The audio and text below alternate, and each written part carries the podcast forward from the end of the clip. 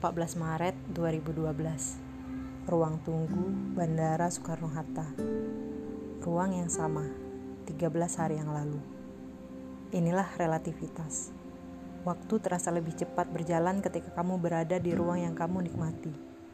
Seperti rumah misalnya. Ada rindu yang sudah terbayar dan sebentar lagi mungkin akan kembali menggunung menjadi hutang yang kembali akan terbayar suatu saat nanti dan ada rindu lain yang beberapa hari ini meminta bayarannya. Saya ternyata salah. Hati itu ternyata tidak seluruhnya saya taruh di rumah. Saya hanya baru menyadari bahwa separuh yang lain telah saya tinggalkan di tanah singgah itu sejak pertama kali saya menginjakkan kaki di atasnya. Jika kemarin yang lalu saya mencecerkanmu di ruang ini, maka hari ini saya akan kembali membawamu pulang.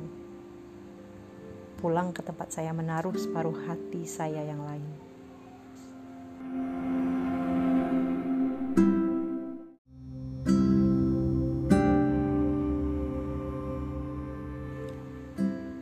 Taksi itu membawaku melaju di sepanjang jalan dari bandara menuju kediamanku di tanah singgah ini.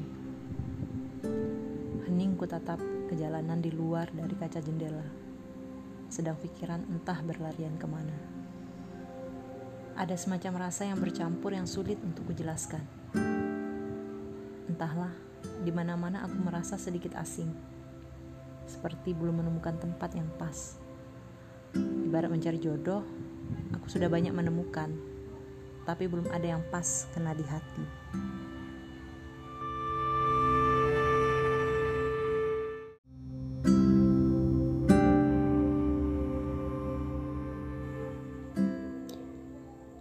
Sepotong kasih yang kutitipkan pada mentari, menyampaikannya di pagi yang cerah, dan membiarkannya menyampaikan padamu lewat sinarnya sepanjang hari. Nikmatilah, nikmatilah teriknya, dan ingat aku sepanjang hari itu.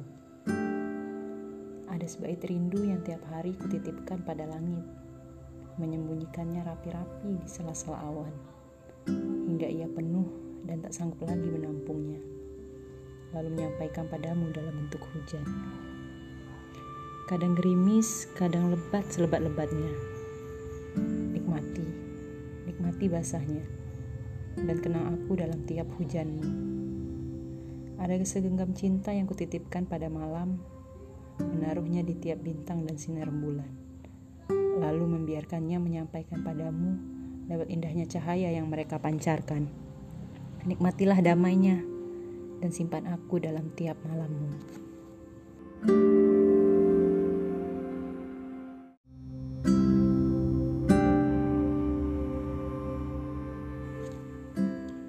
Berhenti saja jika kau lelah. Rebahkan tubuh dan pejamkan matamu dengan damai. Bermimpi indahlah. Mungkin mimpi itu bisa sedikit menyembuhkan lukamu. Lalu ketika kau terbangun kembali, Ingatlah bahwa kau harus menghapus semua luka itu dan kembali membuka hatimu untuk yang baru.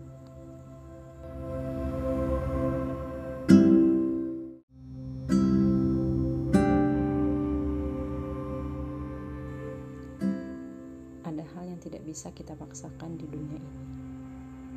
Kadang keinginan kita sudah begitu kuatnya, perjuangan kita begitu hebatnya tapi ketika hasilnya tak seperti yang kita impikan, sering kali semangat yang begitu hebat awalnya runtuh begitu saja karena hasilnya tak seperti yang kita inginkan.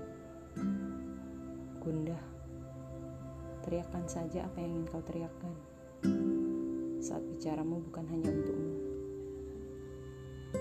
Terlalu banyak bicara kemarin-kemarin. Ingin diam saja hari ini.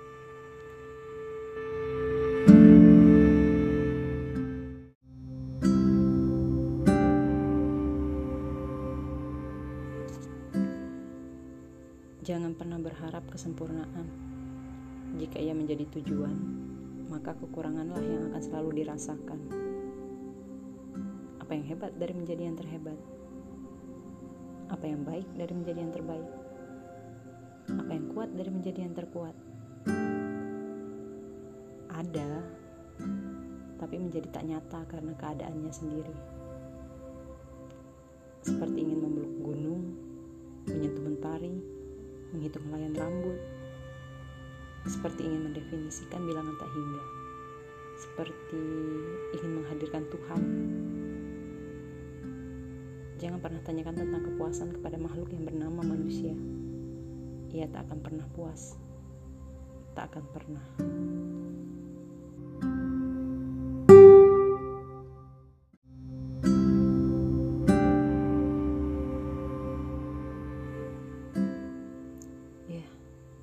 It's like circle. Seperti lingkaran yang memutar. Tak habis-habis. Kadang mereka bilang seperti roda. Hidup itu seperti roda. Klasik sekali. Tapi ya memang seperti itu. Hari ini mungkin kita bahagia. Besok siapa yang tahu jika kita ternyata menangis dan bersedih. Hari ini kita berada Besok siapa yang tahu jika kita ternyata tak punya apa-apa. Lalu mereka juga bilang bola itu bundar. Seperti ingin bilang apa pun bisa terjadi di pertandingan sepak bola. Atau basket atau yang lainnya, bahkan di detik-detik terakhir. Tidak bisa mengatakan siapa yang menang hingga peluit tanda habisnya waktu pertandingan benar-benar dibunyikan. Begitu juga apa pun bisa terjadi di dalam hidup. Lalu apa yang kita bisa lakukan sebagai manusia? Apalagi yang bisa kita lakukan selain bersyukur dan mengusahakan yang terbaik?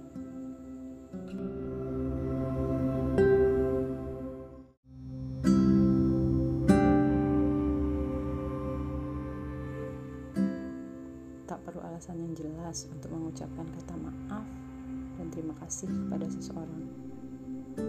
Karena kita sering tidak menyadari bahwa dalam setiap ucapan dan tingkah yang kita lakukan, kadang ada yang menyakiti orang lain.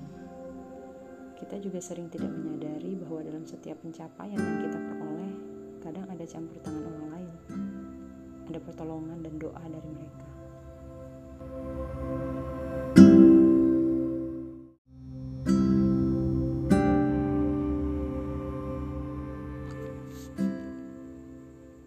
Menuntaskan satu demi satu asa yang ingin kupenuhi. Seperti kali ini, empat tahun bukan waktu yang singkat, tapi tidak juga lama. Menuntaskan satu asa tentang mewujudkan satu kebahagiaan bagi mereka, ya, untuk ibu dan bapak yang tiap peluh keringatnya tidak pernah mereka keluhkan demi anaknya yang tiap memutihnya rambut tak pernah mereka sesalkan demi anaknya. Ini bukan apa-apa. Setitik pun tidak bisa terbentuk untuk menggariskan betapa panjang dan hebatnya perjuangan mereka. Sedikit saja toga pertama untuk melihat senyum bangga mereka. Yogyakarta, September 2012.